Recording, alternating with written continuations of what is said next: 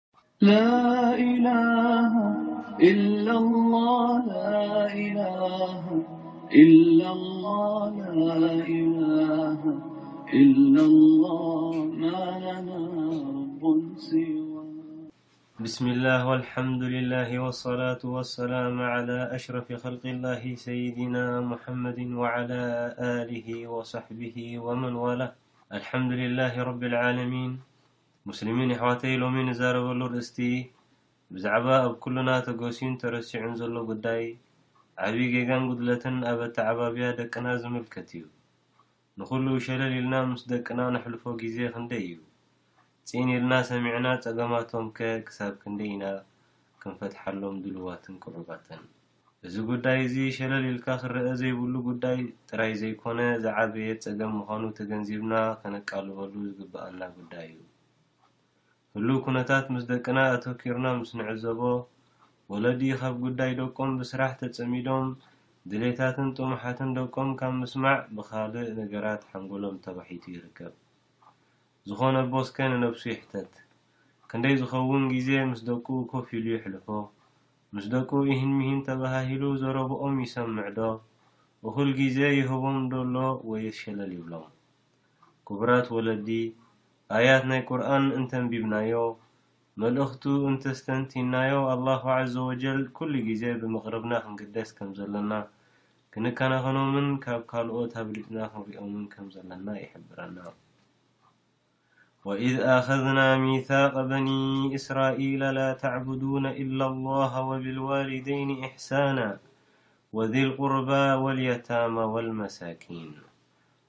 ዘክር ኦው ሙሓመድ ምስ ደቂ ኢስራኤል ዝኣተናዮ መብጽዓ ወይ ውዕል በልናዮም ብዘይካ ንሓደ ኣላህ ንኻልእ ኣይትገዝኡ ንወለድኹም ጽቡቕ ግበሩ ንምቕሮብኩምን ዘኽታማትን ጽጉማትን ድማ ሓግዙ ይብል ኣብዚ ኣያ እዚኣ ንወለድኹም ተኣዘዙ ምስ በለ ንምቕርብኩም ድማ ጽቡቕ ግበሩሎም ኢሕሳን ኣርእይዎም ኢሉ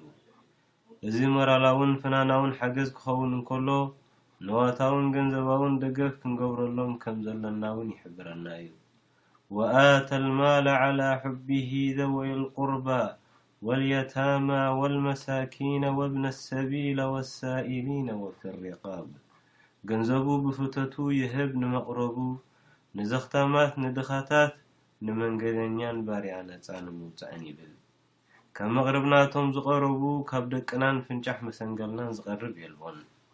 ንዕኦም ዝያዳ ክንግደሰሎም፣ ሓቆም ክንልግሰሎም፣ ክንከናኸኖምን ክንሕብሕቦምን ግቡእና እዩ።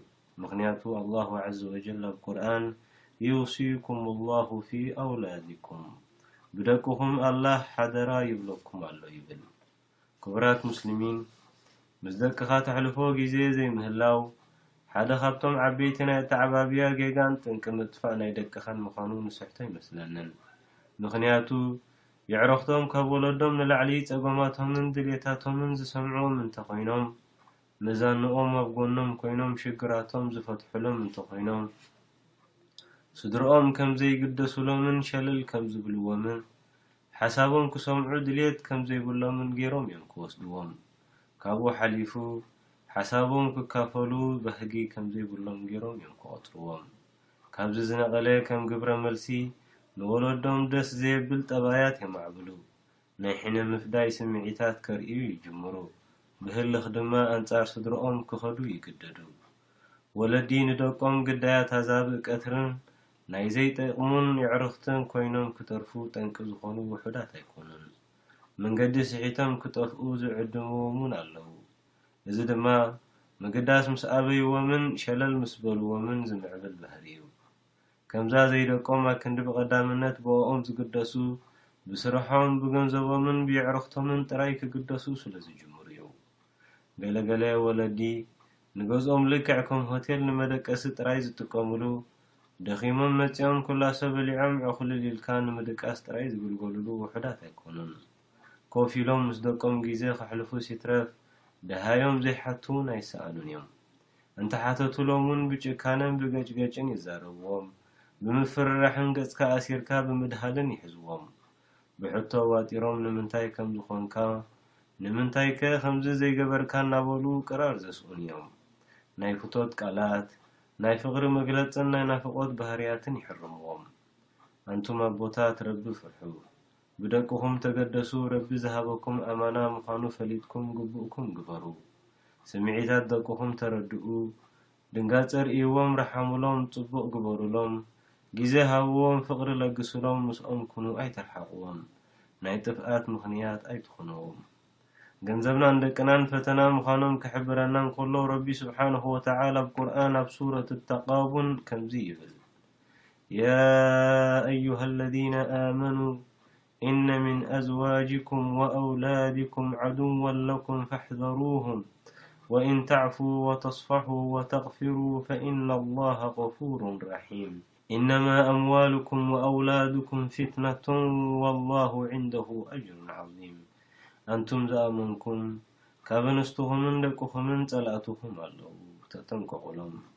ምሕረት ኣዚዝኩም ጌግኦም ሸለል ኢልኩም እቕረ እንተልኩምሎም ግና ኣላህ መሓርን ለዋህን እዩ።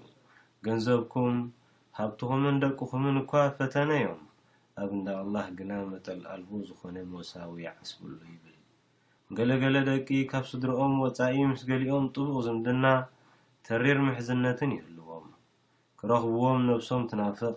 እዞም ሰባት እዚኦም ድኽመቶምን ጉድለት ናይ ርእሰ ተኣማንነቶምን መዝሚዞም ይቆጻጸርዎም። ይጻወቱሎምን ናብ ድልየቶም ይጠዋውዮምን። ገዛኻ ገዲፍካ ንኻልእ ናይ ምንፋቕ ባህሪ ግና ካብ ዜሮ ኣይኮነን ዝብገስ።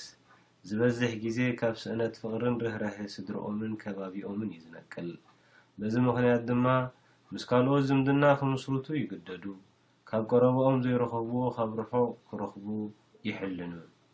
ነዚ ነገር እዚ ንምፍዋስ ወለዲ ምስ ደቅና ኮፍ ንብለሉ፣ ሒዝናዮም ንወጸሉ፣ ጺን ኢልና ንሰምዓሉ፣ ንዘናግዓሉን ዝተዓራረኸሉን ፍሉጥ ግዜ ክህልወና ይግባእ። ረቢ ንረሱል ሰለሏሁ ዓለይሂ ወሰለም ኣብ መስርሕ ዳዕዋ ብቐረባ ብስድራቤቶምን ቀረብኦምን ክግደሱ ከምዘለዎም ክእዝዞም እንከሎ ከምዚ ይብሎም፣ ወኣንዚር ዓሺረተከል ኣቕረቢን። ኦ መሓመድ ነቶም ቀረባ ስጋኻ ኣጠንቅቕ በሎም።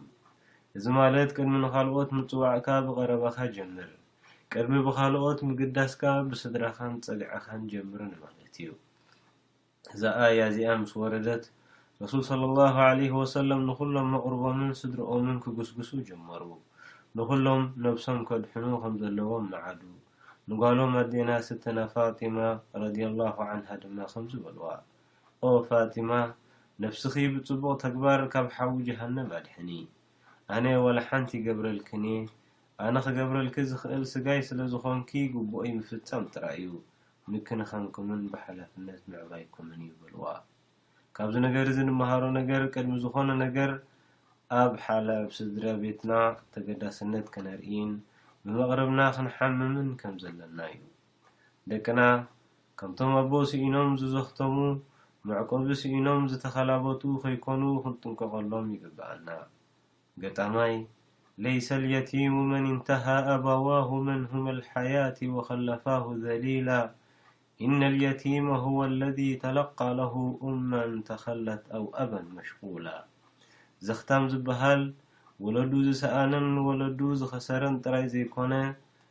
እቲ ዝኸፈኣ ዝኽትምና ኣደ እንከላቶ ሸለል ዝበለቶ ኣቦ እንከለዎ ምግዳስ ዝኣበዮ ውላድ እዩ ይብል። ናይ ሎሚ ኹጥባና ብሓንቲ ገዳሲት ሓዲስ፣ መዓዲት ሓዲስ፣ ዓሚቕ ትርጉም ዘለዋ ሓዲስ ናይ ረሱል ሰለሏሁ ዓለይሂ ወሰለም ጌርና ክንዕጹ። ኸይሩኩም ኸይሩኩም ሊኣህሊህ ወኣና ኸይሩኩም ሊኣህሊ ብሉጽ ካባኹም እቲ ንስድርኡ ብሉጽ ዝኾነ'ዩ ኣነ ድማ ንስድራይ ብሉጽ'የ ኢሎም።